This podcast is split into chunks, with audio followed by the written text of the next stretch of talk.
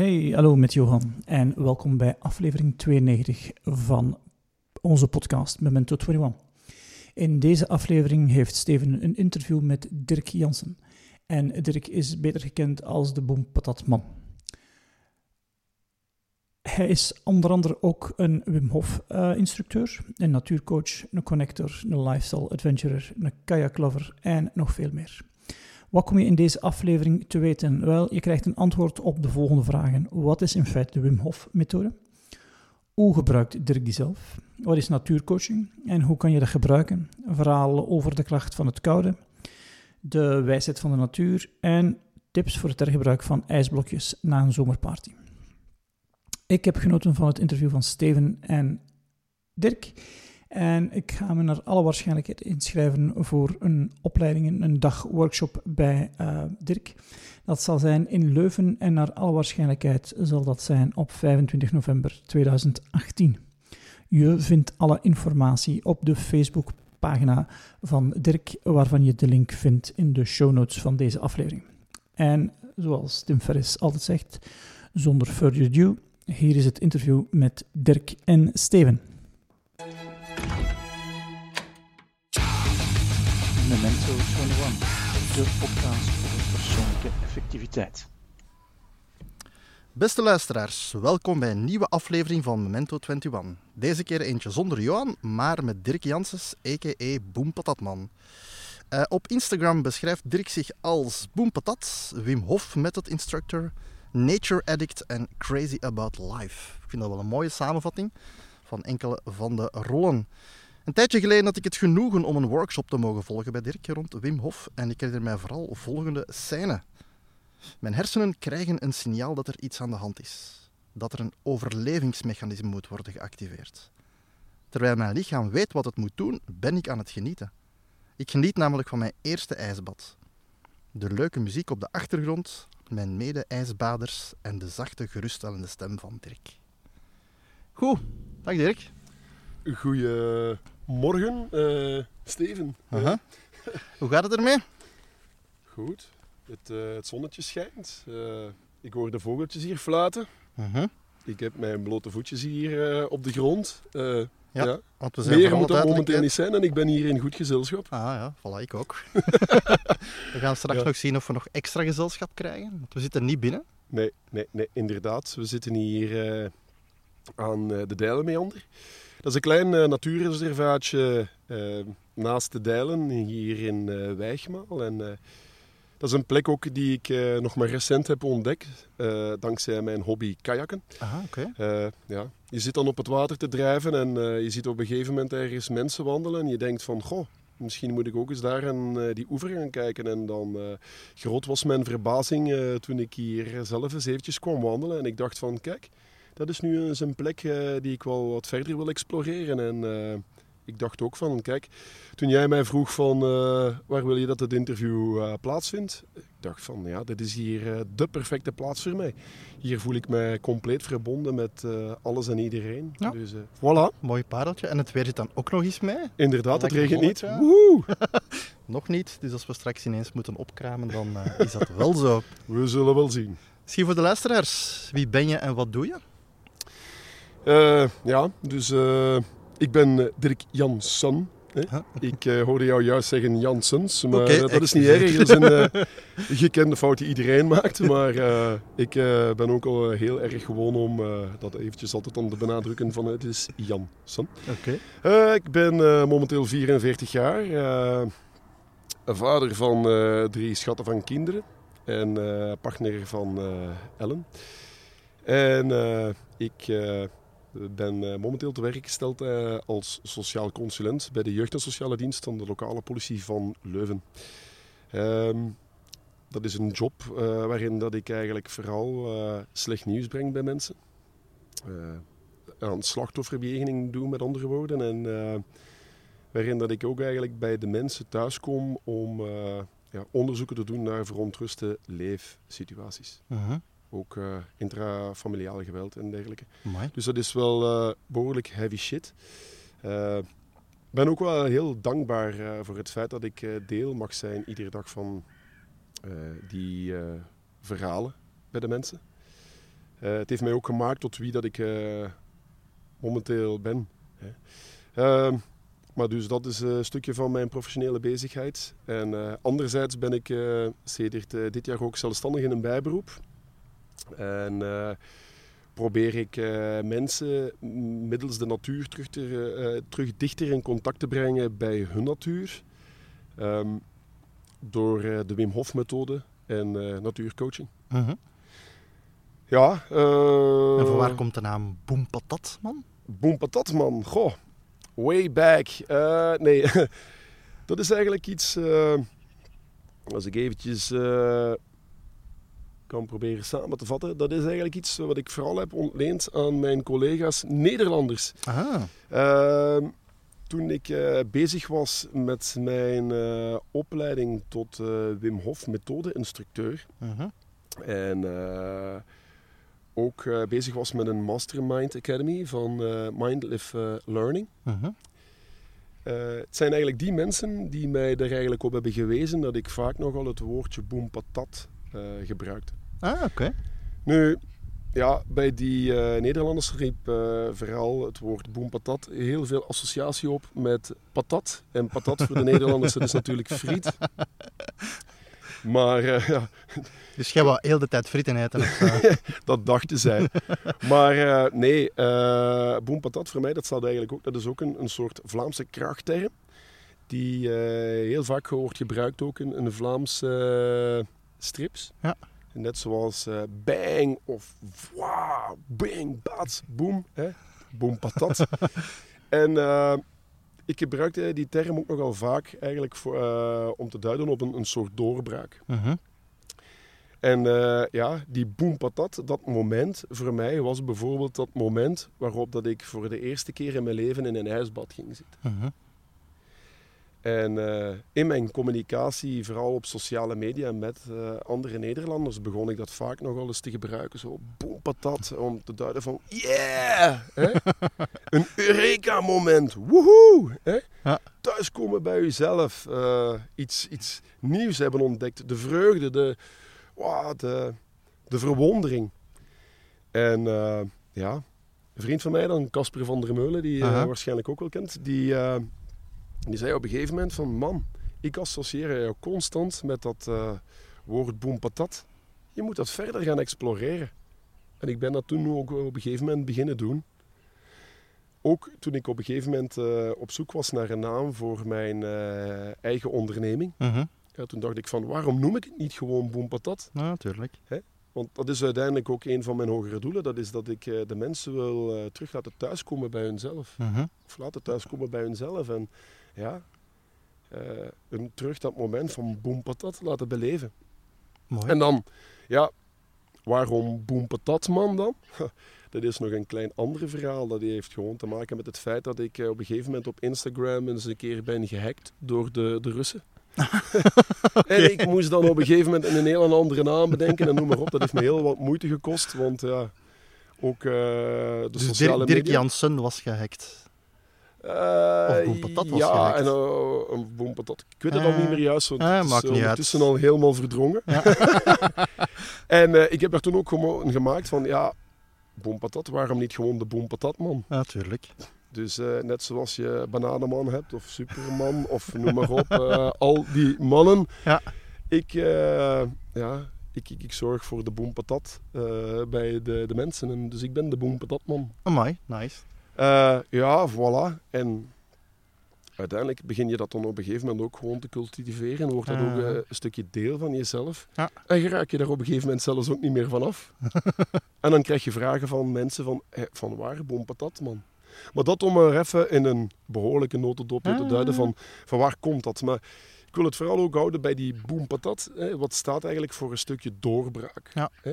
En een van de zaken waar je mensen dan boempatat laat zeggen, is dan via het Wim Hof verhaal. Ehm, of de Wim Hof methode verhaal. dat is inderdaad een van de. Mhm. hè, laten we daar ook mee beginnen, omdat dat, dat ook eigenlijk voor mij eh, een stukje de, de weg heeft getoond voor Mhm. mezelf. En eh, ja, Misschien voor de luisteraars, wat is het juist de Wim Hof methode? In een... ah, wel, de, de Wim Hof methode in een notendop, eh, dat is eigenlijk een, een natuurlijke methode, maar een zeer eh, eenvoudige en effectieve methode om eh, terug in contact te komen met je oerkracht. Hè? Je eigen innerlijke kracht. Ehm, die er ook voor zorgt dat je om in een zekere zin weer terug een balans gaat vinden tussen jouw eh, mind en je body. Een van de, de slagzinnen van Wim Hof bijvoorbeeld ook is eh, van feeling is understanding, voelen is begrijpen. Ja. En eh, Wim zelf heeft ook vastgesteld eh, dat eh, heel wat mensen vastzitten in hun hoofd. Mhm. Dus dat ze vooral bezig zijn met denken wat goed voor hen is. Ja. En ja, dat ze eigenlijk een stukje zijn afgesloten van het feit van oké, maar wat voelt er gewoon goed voor mij? Dus dat er eigenlijk een stukje een, een soort betonnen plaat is komen te liggen eigenlijk tussen die mind en die body. Mhm. Heel En, herkenbaar. ja, en eh, Wim heeft bij zijn eigen ook ontdekt, eh, ge- gedurende zijn levensloop ook, want hij, hij, eh, hij beoefende al 30 jaar eh, yoga ook. En ook door hetgene wat het, eh, het leven allemaal in zijn mandje smeet, dat eh, de natuur voor hem ergens een stukje een, een oplossing had. Mhm. En bij hem was dat bijvoorbeeld dan het contact met, eh, met, de, ja, met de koude natuur. Laten we zeggen ook de extreme natuurelementen. En eh, ja, dus. eh, en ook natuurlijk de ademhaling. Mhm. Hè, want als we gaan kijken naar wat zijn de drie pilaren van eh, de Wim Hof methode, dan gaat het hier eigenlijk over de ademhaling. Het gaat over de graduele blootstelling aan koude. En vooral ook naar de derde pijler eigenlijk commitment. Dat Ja. is ook een hele belangrijke. Ademhaling, ja, we ademen allemaal als mens, dagdagelijks, want ja, als we niet ademen, dan, zijn we, dan leven we gewoon Mhm, niet, dan zijn mhm. we dood.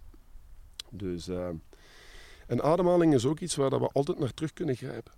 Hè? Maar hoeveel mensen eh, rondom ons zijn er zich niet meer bewust van de manier waarop dat ze ademen? Hè? Eh, dan de tweede pijler, bijvoorbeeld graduele blootstelling aan koude. Koude is een oerkracht, hè? Is een oerelement bedoel ik. Waarin dat we, als we ons daaraan blootstellen, dan gebeurt er heel veel op fysiologisch vlak met ons. En dat leert ons dan ook heel veel eh, over onszelf. Nu, als er één ding is wat we tegen de natuurelementen niet kunnen doen, dan is beginnen vechten. Ah, je kan beginnen vechten in het begin, maar uiteindelijk zal je dat gevecht altijd verliezen. Uiteindelijk, eh, op een gegeven moment is je energie op en dan is het gedaan. Dus het is eigenlijk een, een soort oerelement waarop dat je je op een, andere manier hebt moeten verhouden. Je gaat in eerste instantie moeten leren loslaten. En dan merk je ook dat op een gegeven moment eh, je lichaam eh, zich terug gaat openbaren, waarin dat eh, je lichaam eigenlijk zich gaat, terug gaat kunnen tonen. En, en dat is eigenlijk hetgene wat ik juist ook wil zeggen, die oerkracht die in je verscholen zit, die weliswaar voor een stuk eh, was ondergesneeuwd, die on hold stond, op standby. En die gaat dan zich terug kunnen openbaren. Mhm. Maar de voorwaarde is, je moet eerst eh, voor een stukje terug leren loslaten, je lichaam dat vertrouwen geven om te doen waar dat het eh, toe in staat is. En voilà, op dat moment ga je merken van, wow, wat is dat hier? Hè? Van, ik kan dit gewoon weg. Mhm. Hè, waarin dat je dan, hè, want op dat moment ga je dat terug ook bewust ervaren. Dus dan zit je ook alweer terug in, in dat mindset eh, aspect, hè, in je mind. En van wow, wat is dat hier? En oké, goed, je moet dat gradueel opbouwen natuurlijk. Want ja, de eerste keer eh, direct 20 minuten in een ijsbad gaan zitten, ik, ik ga je dat toch heel sterk afraden. want ook daar altijd, zoals ik net al zei, hè, ja, de natuur wint altijd. Mhm. Dus, eh, maar je kan dat wel trainen. Hè. Je, je kan je daar wel een stukje op afstellen. En dan Maar- komen natuurlijk ook ja, op... Gradueel is wel relatief, want als je bij u een workshop komt volgen, bijvoorbeeld zo'n introductieworkshop, Mhm. dan kunnen de meesten wel gewoon op het einde van die een dag al eens proeven van een ijsbad. Hè? Ja, dat is waar. Wij hanteren hier eh, bij dat ijsbad natuurlijk wel ook altijd de, ja, de twee minuten Eh, of ja, de brandweerregel, dat is zoals de Nederlanders dat eigenlijk benoemden. Van oké, goed, niet langer dan twee minuten. Ja. Omdat je, ja, je lichaam heeft toch wel tussen de 60 en 90 seconden no- nodig om eh, eventjes te adapteren aan die situatie. Mhm. Maar eh, ik merk ook vaak dat heel veel mensen, als ze in een ijsbad stappen, in eerste instantie toch proberen te vechten. Ja. En het is ook zo, wanneer dat je ja, koude, dat is helemaal niet comfortabel. Mhm. Ik vind dat ook nog altijd iets zo van... "Wow", hè? Ehm, en het ene moment kan ik er al beter tegen dan het andere. Als, Ja. ik helemaal niet, eh, als ik mij helemaal niet in balans voel, bijvoorbeeld, ja, dan heb ik al eh, een, een soort mentale weerstand om ja. in dat ijsbad te gaan. Ja. En dat kost mij allemaal al op voorhand energie, energie die ik eigenlijk een stukje moet conserveren eh, Mm. voor wanneer dat ik in dat ijsbad ga. Ja. Dus en, ja, het is heel dat mentale proces ook. Het trainen van die mentale spier dat je al nodig hebt voor in dat ijsbad te gaan. Dus, en eh, ja, dus het komt er ook op neer om, om heel dicht bij jezelf even te blijven, om, om, om die focus eh, te behouden. En eh, dan rustig dat ijsbad in te gaan. Mhm. En dan gebeuren er wonderlijke dingen. Hè? En, maar inderdaad, die twee, die twee minuten, dat doe ik gewoon ook maar omdat ik al heb gemerkt, inderdaad, mensen beginnen te vechten. Of je hebt ook vaak mensen die, waar dat, hun e- ego heel sterk opspeelt. Zeker Ja. als ze met vrienden komen, dan van, oh, ik kan dat hier veel langer. Mhm. Maar wat je dan ook merkt, is van dat mensen vaak heel snel over een grens gaan. Ja. Want dat is ook iets wat eigenlijk ons als mens van tegenwoordig, zeker in de westerse maatschappij, kenmerkt. hè. Mhm. We gaan zonder dat we het weten eigenlijk ver over onze grens. Ja. En dan op een gegeven moment, ja, dan manifesteert ons lichaam zich. Mhm. En dat willen we tijdens die workshop uiteraard ook wel een stukje proberen te vrijwaren. We willen mensen een ervaring meegeven. En we behouden het dan ook op twee minuten. Ah ja, maar ik vind het wel goed. Ook qua mindset vooral dat je beseft dat je dat kon. Omdat ik dacht ook in het begin van, allee, hoe kan dat nu? Je zet dat Ja. inderdaad verleerd of Ja. je denkt, zit vooral in je gedachten van, gaat dat wel lukken, gaat dat niet lukken? Dat daar een soort voel en laat het gebeuren. En je lichaam weet dat nog. Mhm. Eh, ja, ik vond het wel spannend om te ervaren. En dan, Ja. twee minuten was genoeg. Ik vond het zelfs fun, maar goed.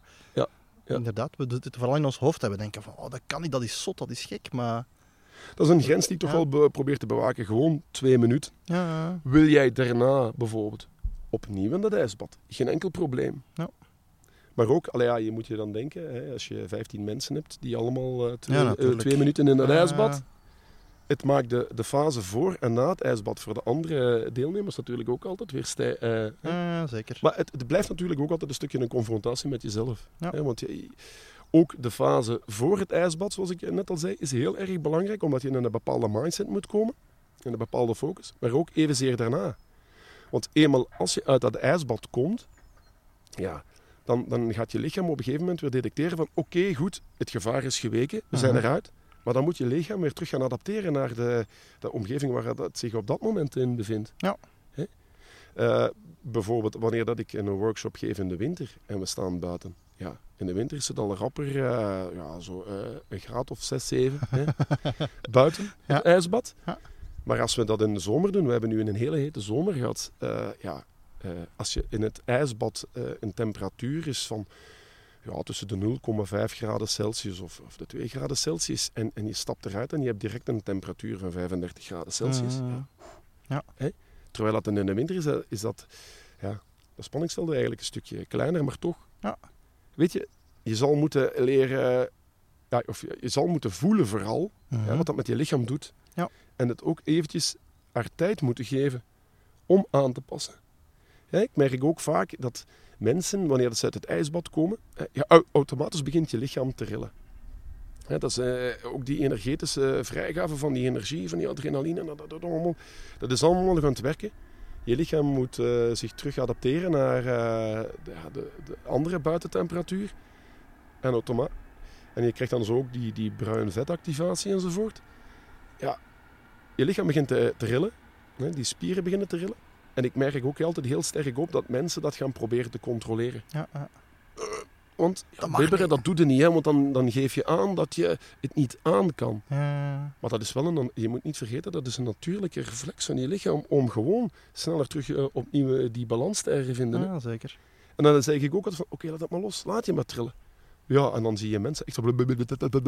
Ze kunnen alleen maar... Ja, maar laat, laat dat eventjes toe. Ja. En tijdens zo'n workshop ook, dat is natuurlijk in een hele veilige setting, want daar sta ik ook wel altijd voor, dat je dat met z'n allen kunt eh, beleven. Mhm. En laat dat ook maar gewoon lekker toe. Ja. En dan merk je ook op het einde van zo'n workshop dat je mensen met een, enorm eh, met een enorme ervaring naar huis kunt Mhm, eh, absoluut. Ik kan het eh, onze luisteraars allemaal aanraden om eens een workshop te komen volgen. Het is maar ja, een dag en je leert zoveel over het lichaam, over je geest, over je mindset, Over jezelf. eh, over jezelf. Dus Ja. Ja, ja, ja. is een zekere aanrader. Ik vind het nog altijd zo van, en dat was ook mijn eerste ervaring ooit met een, ja, met, met die eh, Wim Hof methode workshop. Dat was echt een stukje thuiskomen bij mezelf. Ja. Niet alleen dat ijsbad bijvoorbeeld, want dat is, natuurlijk, dat is natuurlijk wel ook een beetje de apotheose. Dat is natuurlijk ook eh, ja, het notoire, ik noem het ook Instagram momentje, waarop dat eh, mensen op een gegeven moment, dan zie je, zie je allemaal die smartphones naar boven komen enzovoort. Oké, goed. Het is natuurlijk ook wel een mooi moment om, om vast te leggen. Ja. Maar het is uiteraard ook wel zoveel meer. Ook die ademhaling bijvoorbeeld. Ah. Eh, wat ook ja, natuurlijk wel een heel belangrijk aspect is. Dat is ook van, als ik zie hoe lang dat mensen bijvoorbeeld tijdens de ademhalingsretentie, dat is het moment waarop dat we eigenlijk gewoon stoppen met ademen, hè, wanneer dat we eventjes eh, eh, geen lucht in de longen hebben, hoe lang dat mensen plotseling zonder ademen kunnen. Mhm.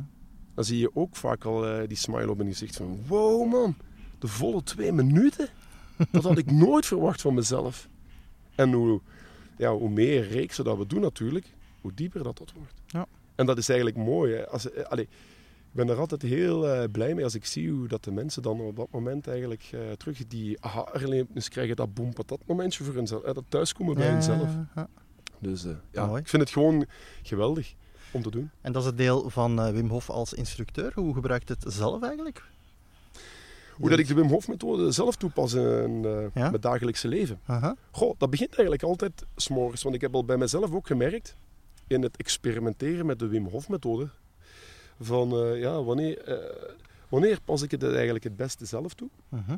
Nu, die derde pijler, hè, commitment, hè, die ik eigenlijk misschien nog niet zo sterk heb benoemd, dat is wel eigenlijk een beetje het fundament van heel de methode. Je hebt je ademhaling, je hebt die, ja, die graduele blootstelling aan koude, ijsbaden of koude douches, whatever. Maar die commitment, dat is heel belangrijk. Die inzet die je daarvoor toont. Hè. Ik vergelijk het vaak ook met het lopen van een marathon. Mhm. Iedereen kan een marathon lopen. Iedereen. Nu, hè, en of je dat nu traint of niet, iedereen kan 42 kilometer afleggen. De termijn, daar heb ik het natuurlijk wel nog niet over gehad. Maar iedereen kan dat. Ja. Sommigen zullen er misschien een paar dagen over doen of whatever. En allee, maakt niet uit. Maar ja, als je je daarop voor gaat bereiden, Ja, ja, op een gedegen manier, dan zorg je er ook voor dat je eigenlijk op een gedegen manier aan de finish komt. Hè, want ja, degene die er helemaal niet voor heeft getraind en aan die 42 kilometer komt en begint te lopen, te lopen, te lopen, ja, die zal misschien een beetje gehavend aan, eh, aan de meet komen. En ja, met die Wim Hof methode, eh, die, die, dat commitment, dat is niet anders. Ook daarin ga je merken dat eigenlijk, oké, de Wim Hof methode heeft wel op korte termijn al heel sterk effect. Mhm. Dus bijvoorbeeld als je je ademhalingsoefening doet iedere dag, bijvoorbeeld in de ochtend, dan merk je al dat je je heel eh, fris en monter voelt, hè, heel energiek aan je dag kan beginnen. Ja. En dan neem je dan al dat al mee doorheen je dag. Maar ga je dat nu op dagdagelijkse basis beginnen doen, Mhm. en je gaat ook de frequentie verhogen of noem maar op, dan merk je ook dat er eigenlijk lange termijn effecten beginnen opduiken. Hè, dat je je concentratie ook eh, meer gaat verhogen, dat je ja, veel energieker gaat voelen, dat je ook ja, minder vaak eh, ziek bent Mhm. eh, of, of minder vatbaar wordt eh, voor bepaalde ziektes. Eh, minder stressgevoelig ook. Ja, maar dat hangt eigenlijk ook allemaal een stukje samen met ja, hoe vaak dat je het doet, hoe Ja. vaak dat je die regelmaat. Eh, ook al wil ik toch ook altijd een stukje mildheid pleiten. Zeker. Ja. Eh, ook bij mij is niet de ene dag de andere. Mhm. De ene dag, eh, ook, al- alles hangt ook weer een stukje samen met, heb je die nacht goed geslapen, Ja, noem maar op. het is eigenlijk een beetje een cyclus gegeven. Maar om het terug eventjes te hebben over hoe pas ik de, de Wim Hof methode toe eh, in mijn in dagelijkse leven, dat is door eh, s s'morgens eh, wakker te worden en in de mate van het mogelijke de, mijn ademhalingsoefeningen al te doen in bed Ah. omdat ik dan ook al merk, dan ben ik eigenlijk nog vrij rustig. En hoe combineer je dat in een gezinssituatie? Met kinderen en vrouw? Door eh, de wekker iets vroeger te zetten. Mhm. Soms is het zo dat mijn vrouw wel wat vroeger opstaat en dan heb ik het bed voor mij alleen. Ja. En dan doet ze de, eh, de deur wel eventjes dicht. Omdat ze weten dat eh, papa... Hè, hey, ik ga beginnen ademen. Eh, maar de kinderen zijn dan inmiddels al gewoon als ze papa ergens zien liggen of noem maar op. En weten ze ook dat ze mij eventjes... Niet de gerust moeten 112 bellen, maar gewoon nee, laten nee. doen. Ofwel door eigenlijk ja, net iets vroeger op te staan. Ja. Zodat ik toch wel eventjes dat kwartier tot 20 minuten na een half uur voor mijn eigen Mhm, heb. mhm. En dan ga ik meestal naar de woonkamer. eh, dan leg ik mij eventjes gewoon op de mat. Ja. En dan doe ik die ademhaling. Soms liggend, soms zittend. Ik, probeer daar een stukje mee eh, te experimenteren. In het begin eh, hield ik ook altijd zeer strikt mijn chronometer bij de hand. Om Mhm. te zien van hoe lang dat ik de ademhalingsretentie wel niet kon volhouden. Mhm. Maar ook dat, daar ben ik eigenlijk voor een stuk mee gestopt. Ik heb Ah, dat mooi. losgelaten. Ja. Omdat, goh, anders begin je weer met dat meten Ah, en noem maar op. Soms doe ik dat nog wel eens een keer zo om gewoon eens te zien van, kijk, eh, waar zit ik ergens binnen dat spectrum? Maar maar het is luisteren naar je eigen lichaam en naar het is vooral en eigenlijk luisteren naar mijn eigen lichaam en ook ehm, het oké vinden van, kijk, ik heb vandaag die ademhalingsoefening al gedaan. Mhm.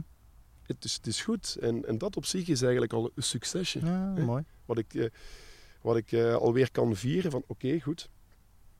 En dan neem ik dat ook mee doorheen de dag. Ja. Dus eh, En als En- je nu een vermoeiende dag hebt en om drie uur in de namiddag zeg je zo van "Poeh, ik ben helemaal uitgeput, mijn energie is laag. Gaat er dan ook dan bepaalde dingen Ah, doen wel, ja, om dat, je komt, dat komt ook voor. Ja. ja dat komt ook voor. Maar dat beperkt zich dan vaak tot eh, één ademreeks. Mhm. Eh, of bijvoorbeeld, eh, wat ik ook nog wel eens vaak doe, is bijvoorbeeld één ademhalingsreeks in combinatie dan met bijvoorbeeld eh, wat push-ups Ja. op lege longen. Dus dat ik eigenlijk mijn ademhalingsreeks stop, dus de laatste lucht loslaat. En dan vervolgens zoveel mogelijk push-ups probeer te doen. Ja. Dat geeft mij ook altijd vaak wel een energie en plus ook een boost als ik weet van, goh, ik heb toch alweer 60 push-ups kunnen doen. Maar ook dat, ja, dat, dat, dat fluctueert. Maar inderdaad, het is wel ook iets wat je mee doorheen de dag kunt Ja, nemen. ja. Ehm, heel af en toe doe ik het wel ook eens s'avonds. Maar ik heb ook wel bij mezelf gemerkt ook van dat mij dat dan weer ergens in een, energieke staat brengt. te veel energie geeft. Ja, ja. Ja, dat is goed. Mooi om Maar- te zien. Maar het is zo, ja, het, het, het blijft nog altijd nog een stukje een zoektocht. Mhm. En, en het is ook wat ik ook altijd probeer eh, mee te geven aan deelnemers van workshops enzovoort. Van, kijk wat voor je eigen werkt. Ja, dat, dat vind ik een hele belangrijke. want, Experimenteer, ja, zie wat voor jou werkt. Ja. Mijn lichaam is dat van jou niet. Ja, dus je, moet ergens. Het is, een, het is ook een methode die zeker niet placht om de oplossing te zijn, maar het Mhm. is een, een heel handig hulpmiddel. Ja. Wat je heel veel moois kan brengen. Aha.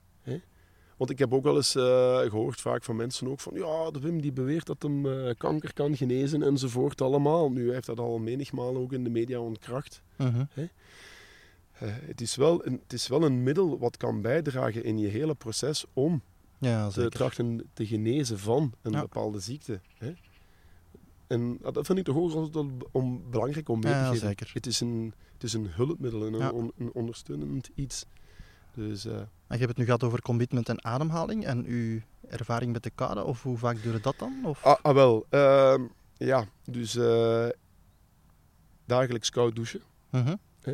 Eh, ik, ik merk al dat ik de fase van het eh, bijvoorbeeld starten met warm en eindigen met een minuut koud eigenlijk Mhm. al een stukje ontgroeid ben. Ja. Eh, zeker in de zomer eh douche ik bijna uitsluitend koud. Mhm. Wanneer gebruik ik het warme wel nog eens? Dat is wanneer dat ik ook gewoon voel dat ik een keer zin heb Ja, natuurlijk. in warm. Ja. Hè? Maar dan probeer ik toch nog altijd een stukje ergens zo dat koude altijd in te brengen. En dan begin in, hou ik het meer op, op wisseldouchen. Maar zeker ook dagelijks eh, eigenlijk, eh, ja, dat, dat contact met die koude. Mhm. En dan ja, bij voorkeur ook altijd in de ochtend. Ja. En dat kan maar, oh, dat kan maar een minuutje zijn of iets dergelijks. Maar dan merk ik ook direct wat dat met mijn lichaam... Als ik dat s'morgens doe, dan merk ik ook dat er direct bij mij een aanknop is. Ja. Dat is zo precies in één keer van bonk. En Ja, al, ja. Mijn eh, al mijn zintuigen staan direct open. En ja, ik, ik vind dat eigenlijk fantastisch. Mooi. En dan, oké, dat is dan wat betreft dat koud douchen. Mhm. Ehm, ijsbaden. Nu, ja, daar heb je natuurlijk ook ijs voor nodig. Allee. Eh, dat pas ik eigenlijk vooral toe. Ja, natuurlijk eh, ga ik bij mijn eigen workshops eh, ook Ja, het ijsbad in. Dat is handig. Weliswaar altijd op het laatste, omdat ik ook wel merk, het, het zet bij mij ook een heel proces in gang. Mhm. En ik wil bij een workshop ook altijd in eerste instantie aanwezig zijn bij het proces van mijn deelnemers. Dat is, dat is logisch. Mhm. Dus altijd daar op het einde. Of bij eh, bevriende Wim Hof instructeurs. Hè, want de meeste onder die eh, Wim Hof instructeurs die hebben tegenwoordig allemaal thuis al een, een kuipdiepvries staan. Ja. Die ze dan hebben omgebouwd tot een echt ijsbad. Nu, ik ben momenteel nog aan het kijken naar een, eh zo een dergelijk iets. Hè, een, eh, een diepvries die Ja. ik ga kunnen ombouwen. Zodat ik ook eh, dagdagelijks eigenlijk een, een ijsbad kan nemen. En wat moet daar allemaal aan ombouwen? Is dat gewoon, je koopt een diepvries, je doet er water in en that's it? Ja, ja. eh, en vooral ook hem eh, uittrekken wanneer dat je erin gaat. Want er moest maar een zijn. Ja, absoluut. Dan geeft dat jou iets te veel energie. Ehm, nee, maar inderdaad. eh, ja, ik heb eh collega uh, Wim Hof instructeurs eigenlijk die dat beginnen te bekleden met vijverfolie. Ah, ja. Ook om het net in iets mooier te doen uitzien. Ja, ja, ja. Maar inderdaad, meestal is dat gewoon eigenlijk, je laat het vol lopen met water, je steekt het eigenlijk in een nacht in en dan krijg je eigenlijk een ijsplaat die zich Mhm. erop vormt. En de volgende ochtend kan je dat met een, eh, met een hamer eh, stuk kloppen. Best in zo klein mogelijke stukjes, want ik heb ook al ervaren dat je aan ijs ook behoorlijk kunt snijden. en dan is dat dan wel niet zo plezant eh, voor Ja. degene die na je komt. Ehm, ja, maar dus... maar ik zeg dat is bij mij, dat staat nu ergens in de nabije toekomst, ga ik dat thuis ja, ook zetten. Omdat ik ook, ik, ik merk dat ik daar ook wel behoefte aan heb. Aan dat dagelijkse ijsbad. Te meer Ah, dagdagelijks een ijsbad. Dat is niet Ja. dat je dat een paar keer per week, dat is echt bijna dagelijks. Ah, oké. Ik zou het, eh, eh, ja, dat is toch mijn, mijn streven Ja, eigenlijk, om, om, eh, om een keer te zien van wat doet dat met mij als ik dat dagdagelijks ga doen. Ja, oké. Dus, eh, Oké, maar mooi. ik zeg het, het, blijft natuurlijk voor mijn eigen nog een experiment, wat ik zelf nog niet heb toegepast. Ehm, het koud douchen dan weer wel. Maar Ja. omdat, ja, natuurlijk, als je koud gaat douchen eh, in de zomer, ik denk dat die, die watertemperatuur toch nog altijd tussen de Ah, 11, absoluut. 12 graden Ah. Celsius. Dat is natuurlijk een heel verschil met als je bijvoorbeeld in zo'n kuipdiepvries, we hebben het onlangs nog gemeten, dan, dan zit je al tegen de temperaturen van 0,8 graden Celsius. Ja, dat is wel wat Dat anders. is toch wel nog eh, voor je fysiologie een net iets ander, hè, voor je cardiovasculair systeem, om mee te dealen. Mhm. Dus ik wil dat eventjes een stukje naar beneden brengen, die temperatuur. En dat kan eigenlijk alleen maar inmiddels in zo in, eh ja, een kuipdiepvries eigenlijk. Mhm. Omdat, ja, als ik dagdagelijks ijsblokjes moet gaan eh, beginnen aanvullen en noem maar op, ja, dat, dat wordt natuurlijk ook wel een, een, beetje een kostelijk affaire. Ja. En onze eh, gewone diepvries thuis, ja, die zit vol met diepgevroren eten. Eh, ik heb al eens een keer de commentaar gekregen van mijn vrouw ook van, ja, al die ijsblokjes hier in die diepvries. Ja, ik was dan een beetje aan het hamsteren, Ik dacht dat al tussen de kroketten en het vlees met de Oh, wel. groenten ging zitten. zo. Wel, ja, ja, ja, ja, ja. Wat ik vorig jaar bijvoorbeeld wel al een keer heb gedaan, dat was zo'n van, oké, we zijn dan einde zomer. eh, ja, dan de tuinfeestjes die worden dan natuurlijk al eh, net iets schaarser. En dan zaten wij met een overschot aan ijsblokjes in onze diepvries. dat ik dan die ritueel ging gebruiken voor mijn eigen ijsbad. In plaats Ja. van onze gewoon in het bad te smijten en laten weg te smelten, Ja, ja, ja. ben ik er gewoon lekker on the rocks in gaan zitten. Dirk on the rocks. Ja, voilà. Dus, maar ik wil maar zeggen van die ijsblokjes, alsjeblieft mensen, gooi die niet weg. Ga er gewoon lekker in zitten en kom thuis bij jezelf. Oké. Ehm, nee, eh, en om nog eens toe te komen bij, eh, ja, alles is cyclisch, hè, dus ook de seizoenen. Mhm. We gaan van zomer stilletjes aan weer naar de herfst en eh, naar de winter. Wat ik dan ook weer doe en wat ik, waar dat ik ook echt naar uitkijk, dat is om terug in de natuurwateren te gaan zitten. Ja. En voor mij zijn dat dan de natuurwateren hier in de buurt. bijvoorbeeld het meer van Rotselaar. Ja. Dat is ook, eh, dat, ja, ik heb al gebleken dat dat voor mij ook een heel eh, sterke krachtplek is. Mhm. Dus eh, wat doe ik daar dan bijvoorbeeld in de herfst? En, eh, want binnenkort begin ik daar dan weer mee. In de herfst en in de winter. Dan ga ik naar daar in de ochtend. Doe ik daar dan enkele cycli van ademhaling. Mhm. En vervolgens doe ik daar dan een koude dip. Ja. En ik, ik heb ook wel gemerkt natuurlijk dat eh, ja, naarmate dan de herfst en de winter, ja, dat water wordt kouder en kouder. Ja. En ik hoop altijd dat dat nog een keer dichtvriest. ik heb het nu al eh, twee keer mogen meemaken. Elke dag staat er met je een bijl en dan zo van, Ja. toch niet. Ik heb het, ai, tot nu toe heb ik het al twee keer mee mogen maken, waarvan Ah. ene keer dat er zelfs mensen op het eh, ijs aan het schaatsen waren. En ik moet zeggen dat dat toch ook wel een heel bijzondere ervaring was om daar samen met eh, de zoon thuis te arriveren. Ik vervolgens een klein handbijltje uit mijn rugzak haalde en dan als een zot begon te kloppen op het ijs, weliswaar aan de kant. hè. Want ik merk ook wel van, ja, voor veel mensen is dat heel vreemd. Ah ja, tuurlijk. Hè? Eh, er komt een man af, die haalt een bijl uit zijn rugzak. Nu, daarom had ik ook de zon meegepakt. Dat toont naar de mensen toch een zekere... Hè, van, "Oeh, het is een vader, het komt goed.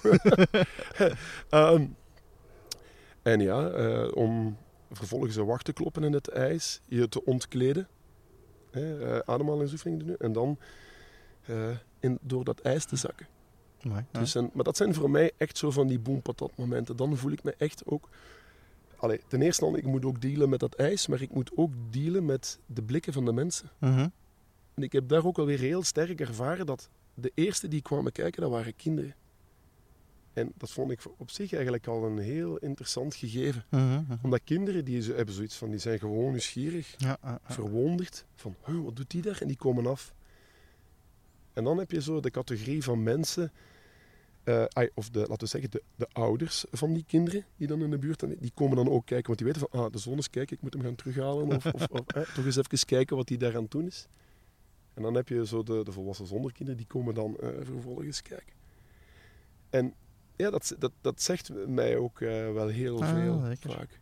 En allee, dus eh, dat maar eventjes om. Ah, ik ben een beetje uitgeweid over het, mijn dagdagelijkse Ah, inzet. maar het is interessant. En ook te zien in welk seizoen wat dat je doet, omdat inderdaad de omstandigheden Ja. veranderen. Ja. Van Ja. zomerfeestjes tot winter waarin er ijs op meer van Rotselaar ligt. Eh, als je over kinderen spreekt, vanaf wanneer kun je Wim Hof doen voor kinderen? Eh, het ijsbad kan je eigenlijk al doen vanaf jongs af aan, Ja. zou ik eh, zeggen. En jong is dan twee jaar, vier jaar, tien jaar. Als baby, maar pas op. Nee, Maar gewoon probeer er toch altijd ook een stukje voorzichtig in te zijn. Ja. Ik heb al eh, vaak ook eh, op eh, YouTube filmpjes gezien dat bijvoorbeeld ja, in Rusland, hè, de, de echte de noordelijke landen Ja. enzovoort, ja, van hun heel vroeg, ja, dat, zit, dat zit eigenlijk voor een stuk in hun cultuur, dat ze die Ja. baby's als eventjes al onderdompelen in dat ijs en noem maar op. Dus Maar het is niet dat je 18 moet zijn om de workshop te kunnen volgen. Eh, nee, maar wat, wat wel heel belangrijk is, en ik ben heel blij dat je dat ook eventjes aanstipt, dat is bijvoorbeeld, eh, dus voor dat ijsbad is dat oké, maar voor ademhaling bijvoorbeeld is dat dan weer eh, af te gaan. Ja, ja. Omdat, ja, het duurt toch wel even eer dat je longen volgroeid zijn. Mhm, mhm. Dus en, ja, ik, ik zou toch pas eh, aanraden om eh 17 à 18 jaar te zijn eer dat je met de Wim Hof methode op vlak van ademhaling Ja, oké. aan de slag gaat. Ja. Plus ook, wat, eh, eh, wat ik ook wel vastgesteld heb bij, bij mijn eigen kinderen, is dat ja, kinderen zitten nog vrij goed in hun ademhaling. Ja. Gebruiken hun buikademhaling ook bijvoorbeeld. Ja. Dat is eigenlijk van nature ook de beste ademhaling die je kunt hebben, je buikademhaling. En kinderen zitten daar van nature in. Wat merk je dan ook alweer tijdens het groeiproces van de kinderen, en ook naarmate dat het leven bij hun binnenkomt, Mhm. dat ze steeds meer ook hoger beginnen te zitten. Ja. Hè, en dat heeft dan natuurlijk weer te maken met stress enzovoort. Dat je Ah. meer en meer in die borstademhaling komt te zitten. Eh, oppervlakkig eh, en, en, en hoger met die ademhaling. Dus, maar toch, eh, ja, nee, om, om de Wim Hof methode te, echt te praktiseren in, in al de drie componenten, dan raden we toch aan pas vanaf 18. Ja, oké. Dus eh, Misschien luisteraars, ja, ongelooflijke aanrader. Maar ik zou inderdaad wel een workshop volgen, want wij raden heel veel mensen aan tot experimenten te doen. Maar als je echt begint met ijsbaden, dan moet je wel ah, weten wat dat je doet, dus best een workshop leren. Ja. Koud douchen, dat kun je al eens thuis proberen, dat is geen enkel probleem. Ja. Maar eh, ga niet ineens in het meer van Rotselaar springen in de winter, dan volg je eerst best eens een workshop en bouw je dat gradueel op met de juiste kennis. En Ja. Dus dan ga je maar bij Dirkjes langs, want je geeft regel- regelmatig workshops zeker? Dat klopt. eh, nu, eh, ik heb er eh, in het voorjaar heb ik er enkele gegeven. In juli en augustus was het eventjes rustig, maar dat is logisch. Dan Mhm. gaan de andere mensen in warme water en enzovoort overal zitten en dan op stranden liggen. Of uh, duiken de bossen in. Uh, maar nu, uh, in het najaar, heb ik er sowieso al zelf enkele ingepland. Uh -huh. in september bijvoorbeeld, 23 september geef ik er eentje. Dan 21 oktober, november heb ik er eentje gepland. De datum ontglipt mij nu net. We zullen de linken toevoegen aan de ja, show notes. Ja, ja en in december ook al. Ja. En dan geef ik er ook nog enkele op andere locaties. Uh-huh. in, in, samenwerking met uh, bijvoorbeeld uh, Ken Gilbert in Huldenberg heb ik er op 17 november eentje gepland.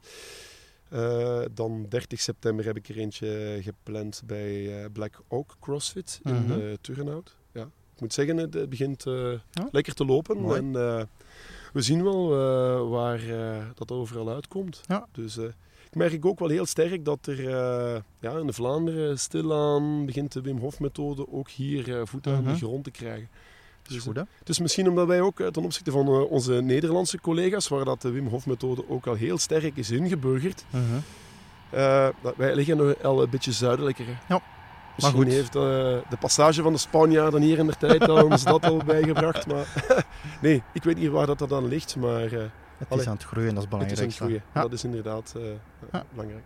Ja. Zeg, naast uh, Wim Hof, wat ook natuurlijk heel erg met jezelf en natuur zit, heb je nog een ander traject dat gaan toezetten, zoals daar juist? De natuurcoaching? Ja, ja, ja. Kun je daar iets over vertellen, wat dat ah, is? Ah, wel, uh, sedert uh, kort mag ik mij ook natuurcoach noemen. Amai, proficiat. Ik heb, uh, diploma's stapelen nu op. ja, ai. Uh, het is eigenlijk ook, uh, voor mijzelf was dat ook een heel belangrijk traject in mijn eigen ontwikkeling, zeg maar. -huh. maar ik heb al heel sterk ook altijd het gevoel gehad als kind dat de natuur voor mij een poort wa was waarin dat ik thuis kon komen. -huh. Vroeger als kind, op de leeftijd van tien jaar, ja, dan, dan maakte ik al kleine wandelingetjes bij mijn ouders in de buurt. Weliswaar nog binnen bereik van mijn ouders, uiteraard. Uh -huh. Maar zeker als ik mij ja, slecht in mijn vel voelde of, of, ik had iets meegemaakt en dergelijke, dan trok ik altijd gevoelsmatig de natuur in. En ik kwam ook weer als een heel andere mens terug. Hmm. Compleet in balans. Uh, ik stelde mij daar eigenlijk als kind weinig vragen over. Om, uh, uh, maar ik zat eigenlijk, laten we zeggen, niet zozeer in mijn mind, maar het voelde gewoon goed. Ja, ja. Dus ik deed maar gewoon. En ja, gaandeweg ik meer en meer volwassen werd. En ook dus meer en meer in mijn hoofd begon te zitten. En mij meer begon te conformeren naar de buitenkant. Uh -huh. Ja, heb ik dat pad voor een stuk verlaten. Ja, en ben ik ook uh, meer in de mensenwereld terechtgekomen en noem maar op. nu, natuur is wel ook altijd al latent aanwezig geweest. Het is er Mhm. altijd geweest en noem maar op. Maar ik heb gemerkt dat ik uh, sedert mijn veertigste, dat is precies zo ergens toch wel een kantelmoment voor veel mensen, uh, terug meer en meer dat, uh, is dat pad terug in zicht gekomen. Ja. Hè, ik heb in uh, 2014 te maken gehad met een burn-out. Ik was op dat moment eigenlijk een stukje verworden tot een chameleon die zijn eigen kleur niet meer kende. Ja, ik kon mij naadloos aanpassen aan heel veel situaties. Dat had ook een stukje ja, te maken met de job waar dat ik in zat en noem maar op. Uh, en natuurlijk ook in de levensfase waar dat ik op dat moment uh, in zat. Uh, drie opgroeiende kinderen en noem maar op, allemaal, die ook allemaal hun eigen padstilletjes aan beginnen te bewandelen Mhm, mhm. enzovoort. Dus, en, en ik merkte van, oei, dat zet mij een stukje op losse schroeven. En uh, ja, die, die burn-out, die heeft ervoor gezorgd eigenlijk dat ik eens ja, uh, terug bij mezelf moest komen. Mhm. Uh, ik heb een tijd nodig gehad om eventjes eerst terug te kunnen landen. Want ja, ik, ik, ik, ik schaamde mij ook voor het feit dat ik tot stilstand was gekomen. Te meer ook omdat ik zelf hulpverlener was. Ja, ja, ja. Dan denk je van ja, je staat altijd klaar voor mensen. Maar ja, nu lig je hier zelf in de lappenmand. En ja, nu, doordat ik zelf... Het voordeel van het feit dat ik zelf hulpverlener ben, was wel dat ik eigenlijk heel de sociale kaart goed kennen. Uh -huh, uh -huh. En dat ik ook van, ja, het lijkt me nogal hypocriet van die dagdagelijks mensen te verwijzen richting hulpverlening, terwijl je zelf eigenlijk geen hulp zoekt. Ja. Dus ik heb ook heel snel die stap gezet. Uh, begin heel iets coaching en dan vervolgens ook een, een tijdje therapie gevolgd, focustherapie. Ja. En dat heeft mij weer een stukje uh, dichter bij mezelf gebracht. heb ik terug, ben ik vooral vanuit mijn mind gezakt naar, naar mijn buikgevoel. Uh -huh, Hè, van wat voelt er goed voor mij enzovoort.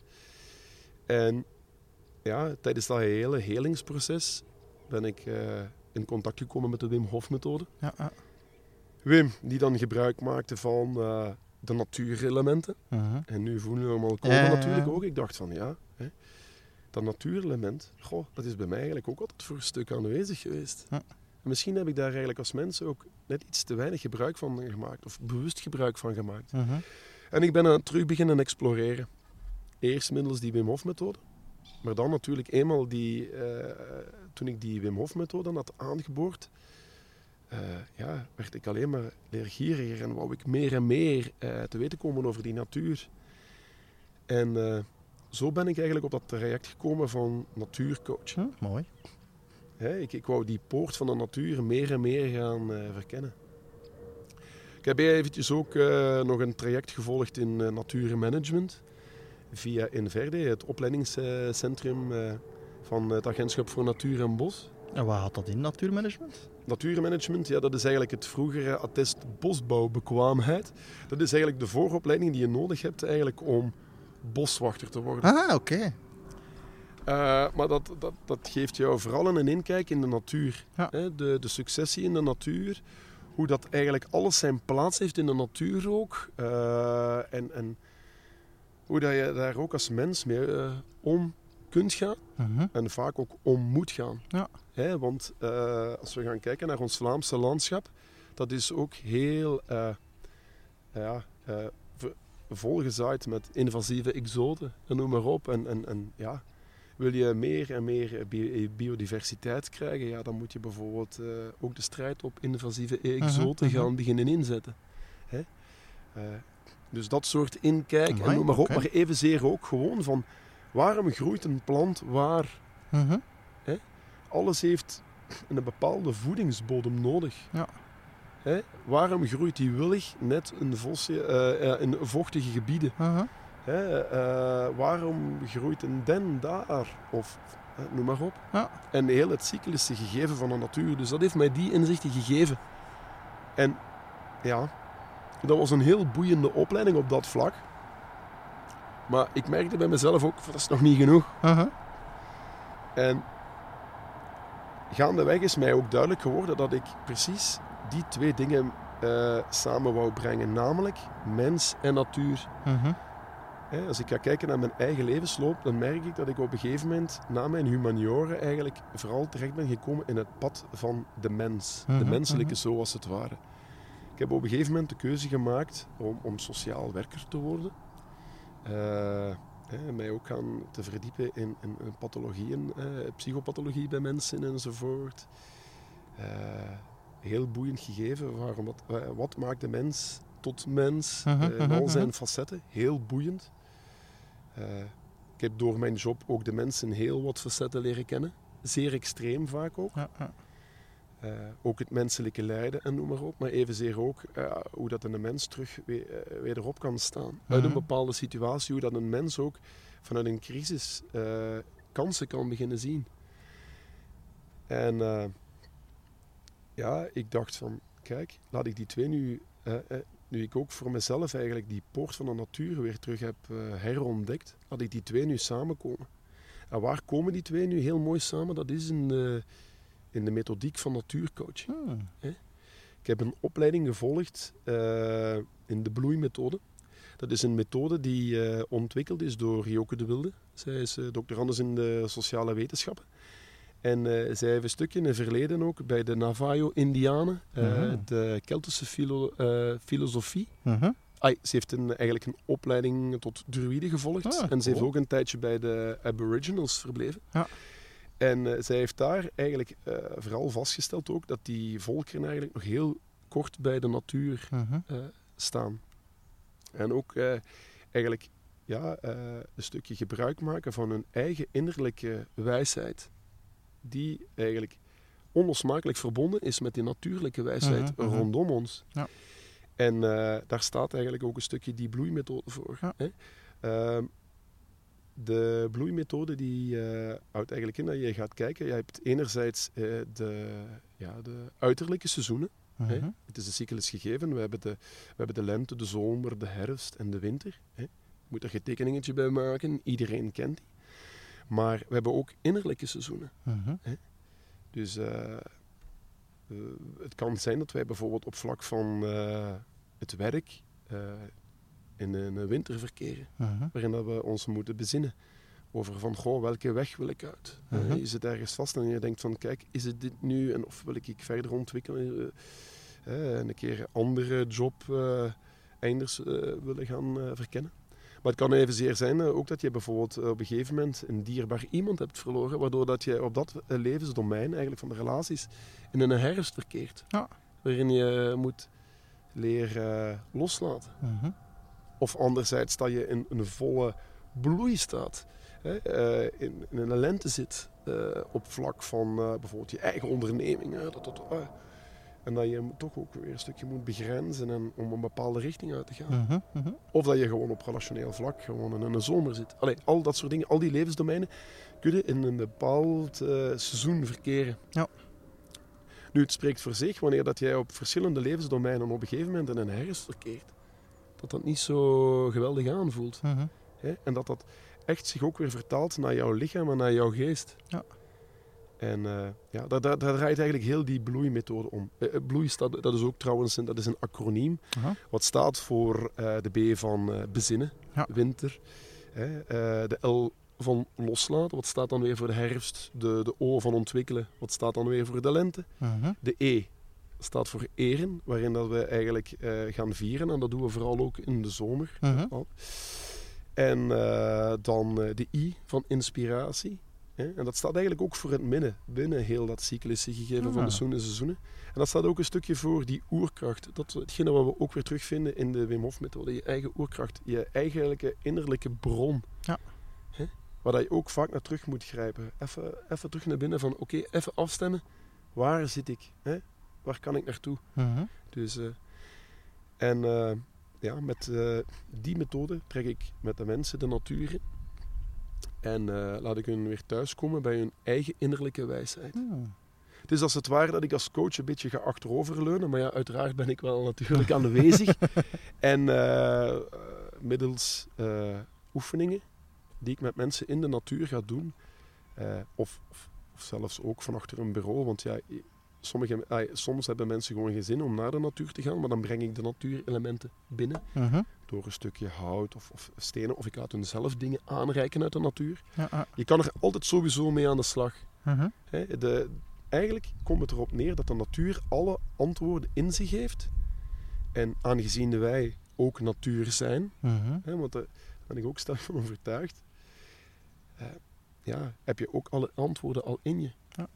En probeer ik middel, eh, middels die coaching eigenlijk ook gewoon je daartoe te, naartoe te leiden. En welke mensen of welke vragen kunnen bij jou terecht voor die natuurcoaching? Eh, ja, eh, eigenlijk alle vragen. Mhm. Want ik denk dat alles terug te brengen is tot zingeving. Ja. Ik denk dat we allemaal hier op deze planeet rondlopen om het naar onze zin te maken. Om. Om ergens eh, van een stukje betekenis te zijn. Ja. Eerst en natuurlijk naar jezelf, hè, van, je wil van betekenis zijn, maar ook naar, naar de buitenwereld. Mhm. En dat kan, eh, ja, ik denk, vragen op alle levensdomeinen. Ja. Relationeel, maar evenzeer ook loopbaan. eh. Hè, want vaak kan je ook merken dat achter de ene vraag eigenlijk nog een andere vraag ver- verscholen zit. Ja. Maar moet je eigenlijk voor een stukje naar de diepte. Ja. Van wat is het nu eigenlijk? Hè? Ja. Dus Amai, misschien kan- komt het binnen vijf jaar allemaal bij elkaar. Ik zie het zo al een eh, groot bos. Daar staat een boshuisje in. Ja. Dirk als boswachter zit daar. S morgens hakt hij een stuk uit het ijs, doet daar, eh, springt daar een keer in. Daarna gaat hij wat mensen coachen doorheen het bos. eh, kan alles bij elkaar vloeien. Hè? ja, wie weet, wie weet. Maar dat is een antwoord wat ergens nog een stukje in het universum verscholen zit. In de natuur verscholen zit. Ja, en dat zal Dat zich zal wel ten gepaste tijden aan mij openbaren. Maar ja. Ja. Ik, ik voel ook nog altijd bij, mij, he- bij mezelf heel sterk dat ik onderweg ben. Ja. En, en ja, dat, dat onderweg zijn, ja, dat, dat is natuurlijk bezaaid met van alles en nog wat. Mhm, Hè, mhm. dat, is een, dat is een pad van, van vallen en opstaan. Ja. Eh, dat is een, een pad bezaaid met ook obstakels, maar evenzeer ook opportuniteiten. Het is alleen dat ik Ah. ergens nog, ja, voor mezelf, en daar kom ik dan ook alweer terug, eh, terug op dat eh, aspect van mindset. Dat is van, oké, welke betekenis geef ik er zelf aan? Ja. Ik ben de regisseur van mijn eigen leven. Ja. Hè? Ik bepaal welke film, in welke film dat ik wil spelen. En dus ik, ja, maar ja, ik moet die keuze dan ook maken. Ja, Of ik kan die keuze maken. Hè? Want moeten, ik moet juist niks.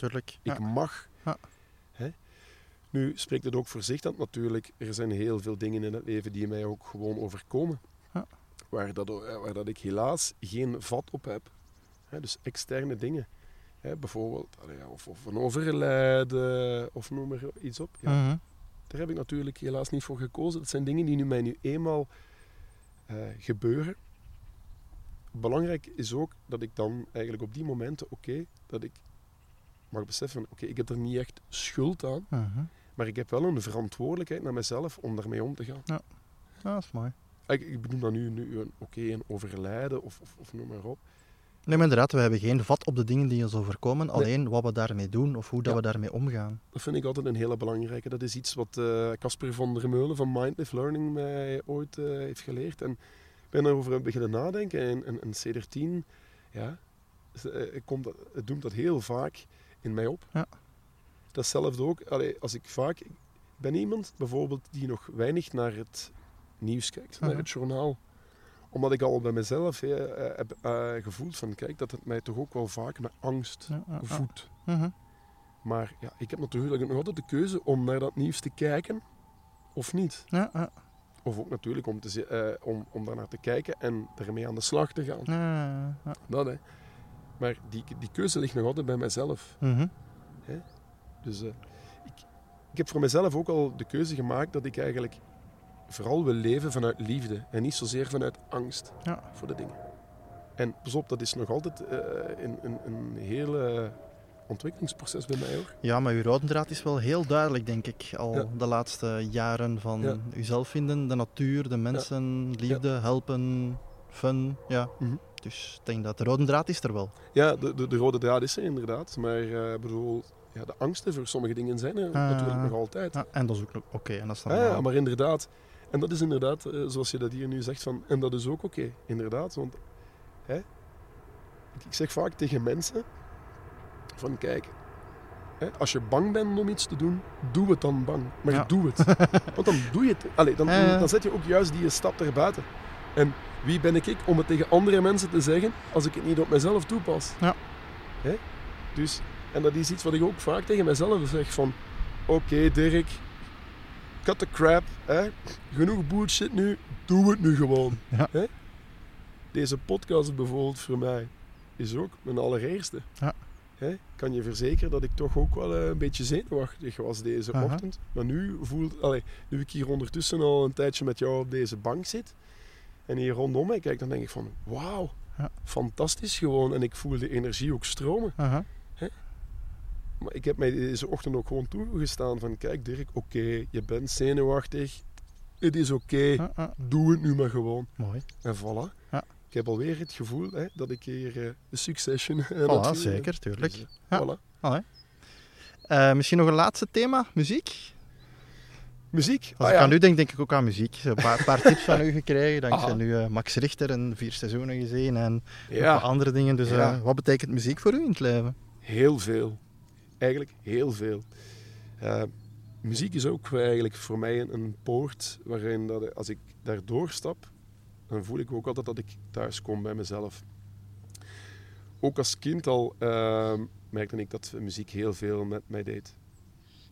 Niet op zijn minst dat ik vroeger eigenlijk als, eh, als kind samen met mijn broer, mijn broer die ook een muzikant is, eh, ja, radio speelde. Ja. Dat is zo'n oude cassette recorder. En dan, eh, ja, dan namen we muziek op. En dan begonnen we zo een eigen radioprogramma te maken. en noem maar op allemaal. Hè.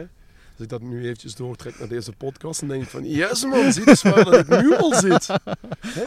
Maar eh, nee, ehm, al van jongs af aan, eh, wanneer dat ik naar films keek, dan was ik ook altijd heel erg geboeid door de muziek Ja. Herkenbaar. hè, die op de achtergrond speelde van die films. En ook al vroeg, ja, eigenlijk als, als humaniora-student, ben ik soundtracks beginnen verzamelen. Ah. En eh, die speelde ik dan ook af.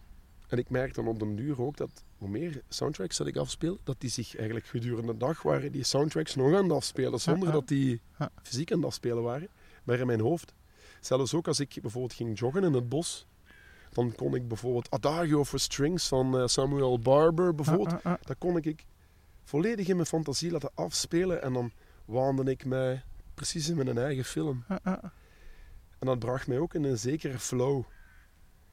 En eh, ja, dat heeft er eigenlijk altijd al een stukje in gezeten, zo, Aha. dat soort muziek. Eh, maar heel breed, hè, want ik heb een heel brede muziekinteresse. Want als we het nu toch over soundtracks hebben, ik denk dat ieder moment van de dag, daar past een soundtrack bij. Mhm, mhm. Ik, ik kan evenzeer op een gegeven moment staan shaken op eh, keiharde beats, Mhm. eh, dance, eh, dance music enzovoort allemaal.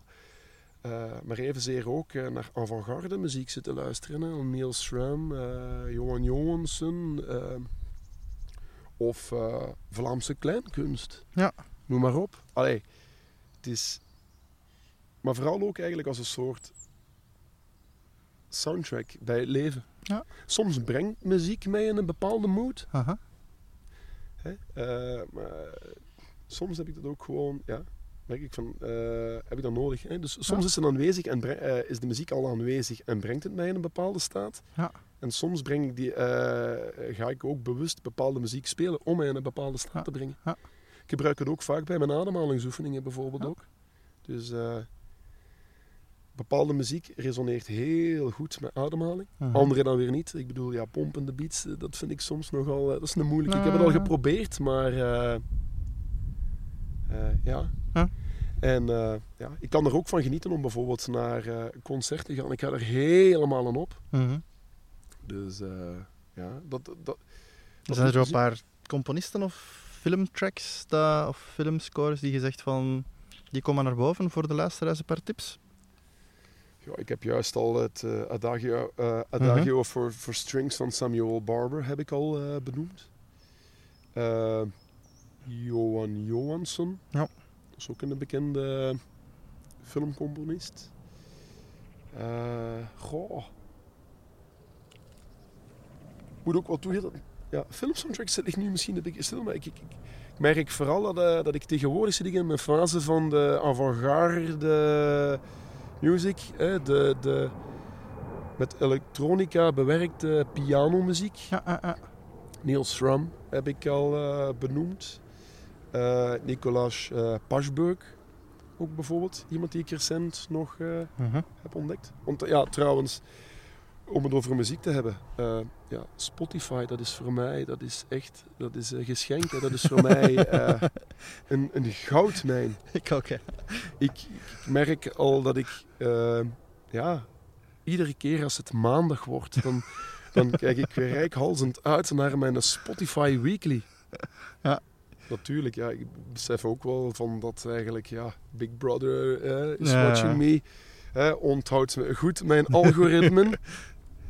maar Blijven de kinderen van uw Spotify af? Want bij mij werkte dat vroeger ook, maar sinds dat de kinderen ook op Spotify luisteren, geeft mijn weekly soms wel rare adviezen. ah wel, neem je een familieabonnement, heb ik al gemerkt. En dan kun je dat scheiden van elkaar. Dan kan je dat scheiden, dan hebben ze allemaal een eigen account. Want ik heb ook al gemerkt dat ik op een gegeven moment, eh, nu gelukkig zijn ze bij ons thuis al eh, de kabouterplopfase en dergelijke al ontgroeid. Eh, maar ik, ik merk, bemerkte ook op een gegeven moment dat ik zo, eh, ja, eh, Ghost Rockers Oh, en noem maar op, ook allemaal tussen mijn Spotify Weekly begon te krijgen. Maar ik bedoel, er is niks mis mee. Nee, natuurlijk niet. Het duidt mij ook vaak op ja, in welke fase dan mijn kinderen zitten. Ik heb ook al die fases doorlopen van muziek. Ja. Als ik zie dat ik ooit, ja, in mijn jeugd, ik ben begonnen, mijn allereerste cd was er eentje van Belinda Carlisle. Ja. Hoe heaven is a place on earth. Hè? Woe, hoe dat ik dat zat mee te kelen. Als ik dat nu terug eh, denk, dan schaam ik me daar soms wel een beetje voor. Maar kom, nee.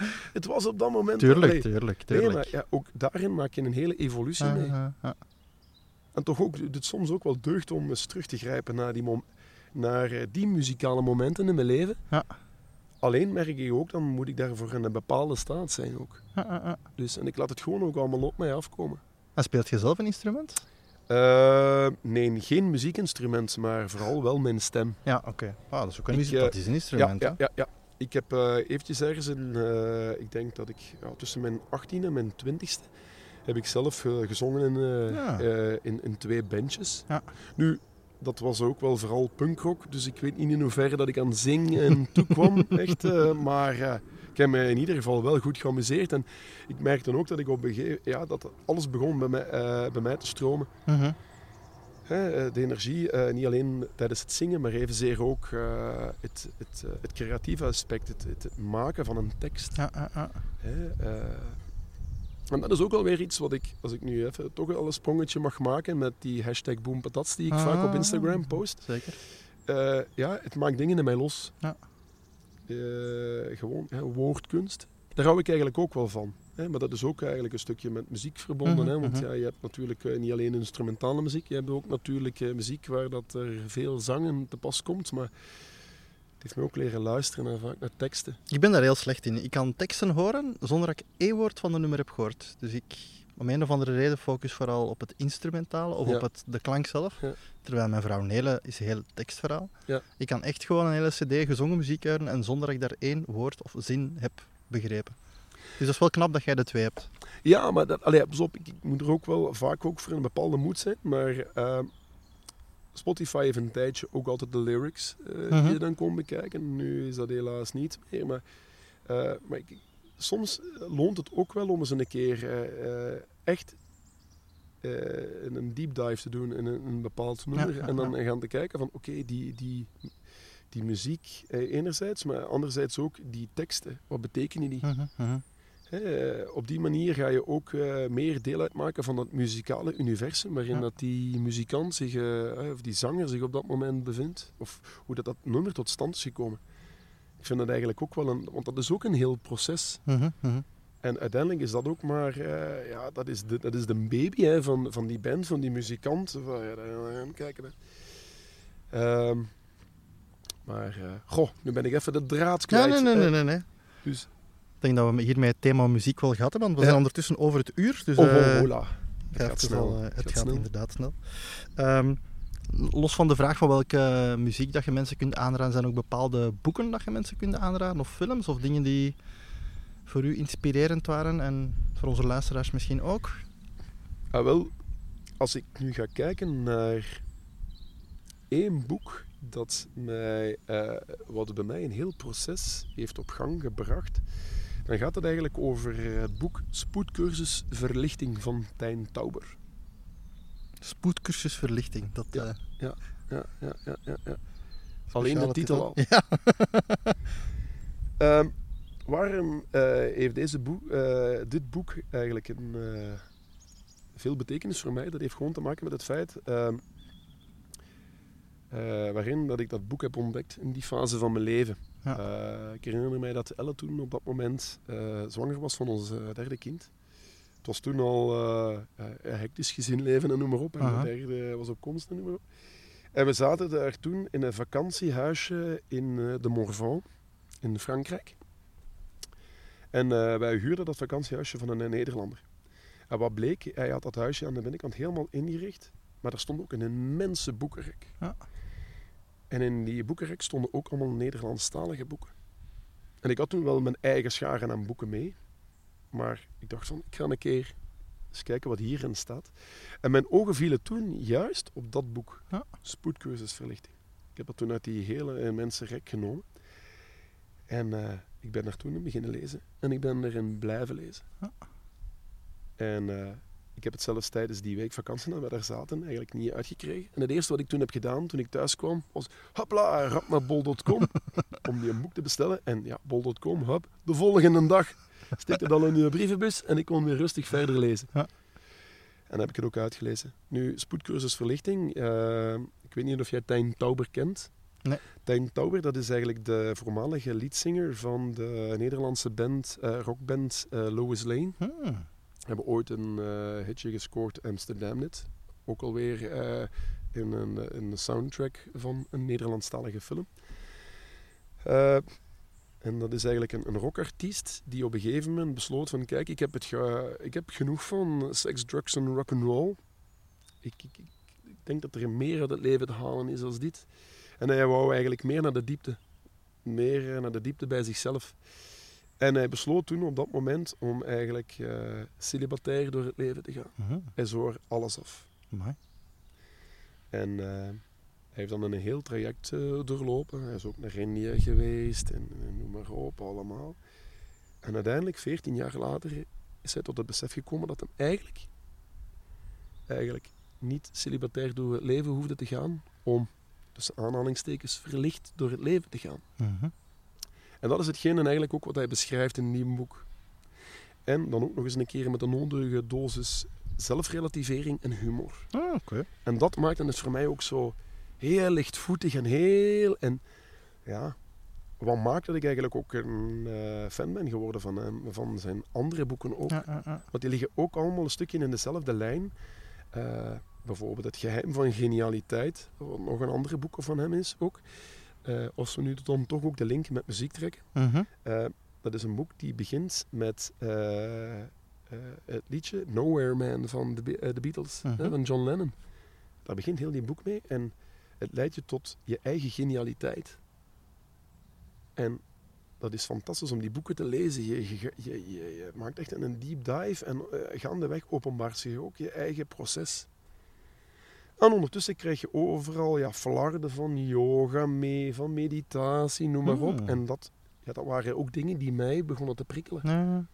Ah, hè, mijn interesse En, eh, voilà, dus maar om al één, ik heb er nu al twee gegeven, eh, boeken te duiden, die ik zeker mensen kan aanraden. Mhm. Omdat dat ook, ja, gaandeweg openbaren zich dan natuurlijk eh, door, ja, yoga ga je naar yoga boeken. ehm, Tools eh, of Titans van Tim Ferriss bijvoorbeeld, die heb ik thuis ook al op mijn boekenrek staan. Mhm. Ik moet wel ook uh, toegeven dat ik hem... Hij staat al op mijn bureau, maar ik ben er nog niet aan begonnen omdat Ja. het kloever is. Ehm, ja, het boek Koud Kunstje van Koen de Jong van, eh, Ja. en Wim Hof. Eh, ik ben nu bezig aan een boek van Dan Burley over eh, gewoon ademhalen. Ehm, en dan hebben we nog de boek Oerkracht van Scott de Carney, uiteraard. De, de journalist die tot doel had gesteld eigenlijk om eh, die snodaard Wim Hof te gaan ontmaskeren. Daar speciaal voor vanuit de Verenigde Staten afkwam. En nu eh, uiteindelijk een van de grootste pleitbezorgers is, eh, zeker in de Verenigde Staten, van de Wim Hof methode. Mhm. Dat is ook een hele moe- mooie boek, omwille van het feit dat hij ook weer een stukje zijn proces duidt, waarin Ja, hij ja, ja, ja. doorheen is gegaan. Eh, en met welke sepsis dat hij naar die methoden heeft gekeken en Mhm. gaandeweg ook vooral heeft leren loslaten en teruggekomen is bij zijn eigen voelen. Ja. Dus dat is ook bijvoorbeeld een, eh, een boek wat ik eh, de mensen kan aanraden. Goh, ik heb eigenlijk thuis Ja. nog een hele boeken Dat is al een mooi lijstje. staan, maar ik, allee, Ja. ik, ik, ga- ik ben ook van plan sowieso om de, mijn, mijn boekenplank op termijn te gaan delen met mensen. In die zin, allee, ja, do- door die wereldkundig gaan te maken via mijn eh Boempatat eh, netwerk eigenlijk. Ah, ja. Dus, Dus dat huisje in het bos, dat is dan een stuk openbare bibliotheek waar mensen Ja. dan een boek kunnen Ja. lezen. En, eh, ik ben eigenlijk, ik, weet je wat ik belangrijk vind, is sharing is caring. Dat is een quote die ik ook nog wel vaak gebruik. Ook ooit eens ergens opgepikt, maar ik vind dat heel belangrijk. mhm. En kijk, ik kan maar delen. En wat iemand anders daar voor zijn eigen uithaalt. God ja, kijk, daar heb ik natuurlijk geen vat op. En Mhm. daar hoef ik ook geen vat op te hebben. Ik merk al wat sommige eh, dingen of, of mensen met mij doen. Weet je, hè? ik zag ook op, eh, op jouw lijst op een gegeven moment staan van heb jij een coach? Goh. Hè? Nee, ik heb eigenlijk aan zich op dit moment geen coach, maar ik merk Zijn, wel... zijn we niet bij uw coach? Ja, ja, ja, voilà. De ja, dankjewel. de natuur is mijn coach. Dankjewel, Steven, om mij daarop te wijzen. Maar ik heb ook heel wat gidsen Mhm. al in mijn leven gehad. Mensen die door hun manier van zijn mij eh, een stukje hebben getoond van hunzelf en waar dat ik mee ben beginnen resoneren. Ja. En met sommige mensen heb ik nu ook echt effectief contact. Ja. En dat, dat maakt het zo mooi. En die mensen maken dan bepaalde zaadjes in mij wakker. Hè? En dan heb ik nog altijd de keuze van ja, welk Ah. zaadje behoud ik, welk wil ik tot ontwikkeling laten komen. En eh, ja, en ik denk dat dat voor iedereen van ons zo geldt. Laten we elkaar gewoon inspireren en, en laten we elkaar ook allemaal ontmoeten in onze eigenheid, in onze Mhm. eigen authenticiteit. Want dat, ja, dat, dat geeft de wereld ook zojuist zoveel mooie kleuren. De wereld is niet eh, wit en zwart en grijs. Nee, de wereld is één grote regenboog. Ja. En ja, de natuur toont het ons. Hè. Want kijk, daarnet zaten wij hier bijvoorbeeld nog in de zon. Ja. Inmiddels is hier een grijze wolk boven ons komen hangen. Misschien heeft hij nog iets voor ons in petto. Dat weten we momenteel niet, want ja, nu, eh, momenteel geeft hij gewoon vooral veel schaduw. Ja. Maar eh, ja, en laten we dat gewoon dan toestaan. En ik denk dat daar dan ook heel veel mooie dingen met elkaar uit kunnen groeien. Amai, dat zou een toekomst. perfecte afronder geweest zijn. Zo een mooi, damn. Ja. Toch nog eh, een paar laatste vragen. Ja. Eh, de klassieke vraag in Memento 21, want stel je verliest je geheugen en om een paar zaken niet te vergeten, tatoeëert je ze op je lichaam. Als je zo drie zaken op je lichaam zou moeten tatoeëren, zaken die je niet wilt vergeten, wat zou je dan eh tatoeëren? Goh, wat zou ik al... Ik zou sowieso al een, eh, een boom willen tatoeëren Mhm. op mijn eh, arm. Een boom, omdat die voor mij als symbool staat voor heel wat. Eh, ja, die staat uiteraard symbool voor de natuur. Mhm. Om mij te herinneren aan het feit ook dat ik zelf ook natuur ben. Hè? Een boom die met zijn takken de lucht in reikt, maar evenzeer ook heel diep geworteld is. Die mij er dus ook op duidt dat ik eigenlijk heel dicht bij mezelf moet blijven. Mhm. Zodat ik ook van daaruit weer verder kan ontwikkelen. En ook verbinding kan maken natuurlijk met mijn omgeving. Hè? Want ja, dat hele takkenstelsel onder de grond, dat staat in absoluut. ja. verbinding met de rest. Ehm, wat zou ik er nog op zetten? Ja, dat is eigenlijk wel een hele goede vraag. Ehm, misschien het woord ook adem. Mhm. Dat is het eerste wat in mij opkomt. Hè. Eh, waarom? Omdat eh, ook adem, dat heb ik ook steeds bij me. Ja. En ik, allee, ik kan daar controle over hebben als ik wil. Mhm. Ademen, we doen het allemaal. En mijn adem zal zich ook wel afstemmen op iedere situatie die zich aandient bij mij. Maar gewoon ook om mij eraan te doen herinneren van dat ik daar controle zelf over kan hebben. Waardoor dat ik mij ook weer anders ga kunnen verhouden ten opzichte van die omgeving. Dat hè. En dan nog een derde. Eh, mag het ook een foto van mijn gezin zijn? Tuurlijk. Want dat zijn toch ook wel Dat is een de... tattoo als een andere. Ja, ja, ja, ja. Omdat dat toch ook wel een van de fundamenten is nu momenteel. eh, Ja.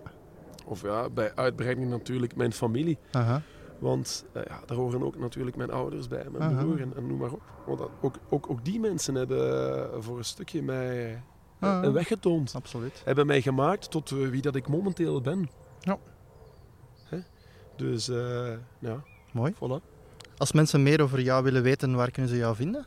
Zoals ze Ah, wel, workshops willen volgen of ik ben eh, vrij actief op de sociale media. Ze kunnen Mhm. mij eh, bijvoorbeeld op Instagram terugvinden eh, onder de naam Boem Patatman. Ja. Eh, ze kunnen mij ook eh, op Facebook terugvinden onder Boem Patat. Eh, Ik heb Mhm. een eigen Facebookpagina. Ik zal de links ook toevoegen. Ja. En ook via mijn website, maar daar moet ik wel eventjes nog aan toevoegen ook dat die nog under construction is. Oké. Maar die gaat zeer binnenkort gelanceerd worden. Ja. En dat is dan gewoon via de link www.boempatatsman.be. Ja. Dus, eh, maar je- zeker voorlopig ook eh, via de sociale media, want daar communiceer ik eh, nagenoeg dagdagelijks eh, Mhm. op. Zeker op Instagram. middels foto's. Ja. Dat heb je waarschijnlijk zelf ook al gemerkt. Waar je al wat dat je er juist gehoord hebt ook Ja. ziet. Ja, voilà. Wat maken bepaalde dingen bij mij los? Ik trek daar dan een foto van. Ik ga daar dan ook aan bespiegelen. Soms eh, zet mij dat toe aan om zelf eh, wo- eh, woorden beginnen te kunstelen. Ja. te knutselen. Soms doet het mij denken aan bepaalde quotes die ik in het verleden al heb gehoord. Soms ga ik ook gewoon op zoek naar quotes die, ja, die daarbij horen. Mhm. En dat, maakt dan, dat zet mij dan ook weer aan om daar kleine stukjes over te schrijven. En dat zijn dan kleine cadeautjes die ik dan eigenlijk op de wereld loslaat. Absoluut. Ja. Sowieso zijn het cadeautjes naar mijn eigen ook. Hè, want ik vind het ook altijd leuk om heel dat creatief proces. Maar het zijn dan ook weer cadeautjes die ik op de wereld eh, uitstuur. En ja, het is te eh, ja, ik weet niet wat dat bij mensen losmaakt. Ik krijg daar vaak eh goede reacties op. Dat doet mij dan natuurlijk ook wel weer enorm deugd. Maar ja, wat, wat die reactie bij mensen is, Mhm. ik weet dat niet. Maar, Bij eh, mij geven ze energie, inspiratie van de dingen die je doet. En En- laten ze ook stilstaan bij dingen waar je dan zelf... Ai, je blik soms dat je, dat je zegt van... Ah, damn, inderdaad, ik moet wat beter leren kijken, minder vluchtig leren kijken. Ja. Goesting om terug de natuur in te gaan. Ja. Dus dat, Ja. dat doet wel veel. Dankjewel. Want dat is ook hè, wanneer, je- wanneer je echt eens een keer heel eventjes bij jezelf, eh, bij jezelf gaat stilstaan of gewoon gaat stilstaan bij de natuur, dan openbaart hij zich ook op een heel andere manier. naar je. Mhm. Iets wat ik, om nog even een kleine zijsprong te maken, is ook van wanneer ik vaak in stilte in de natuur aanwezig ben, dan merk ik ook dat plotseling verschijnen er dieren uit het niets vlak bij mij. En ik denk ook dat dat alleen maar kan gebeuren wanneer dat ik één ben met die omgeving. Mhm. Wanneer dat eh, dieren ook gaan aanvoelen dat ik geen, op dat moment geen gevaar voor hen beteken. Ja. En dan openbaren die ze- eh, zich aan mij. En ik zie dat dan ook weer als een geschenk van de Mhm. natuur. Absoluut. Ja. Dat ik in balans ben met haar, Ja. maar ook vooral in balans met mezelf. Ja. Mooi. Perfecte afsluiter. Dikke Dankjewel. Dirk. Dankjewel. Dag. Veel jij ook voor het komen.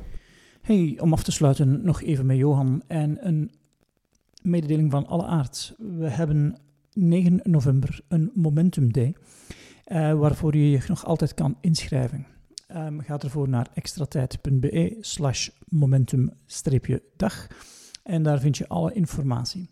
Wil je deze informatie ook tot jou nemen in een andere format, beluister dan de vorige aflevering van onze podcast. Dankjewel voor je tijd, energie, aandacht en tot binnen een volgende gelegenheid. Dag.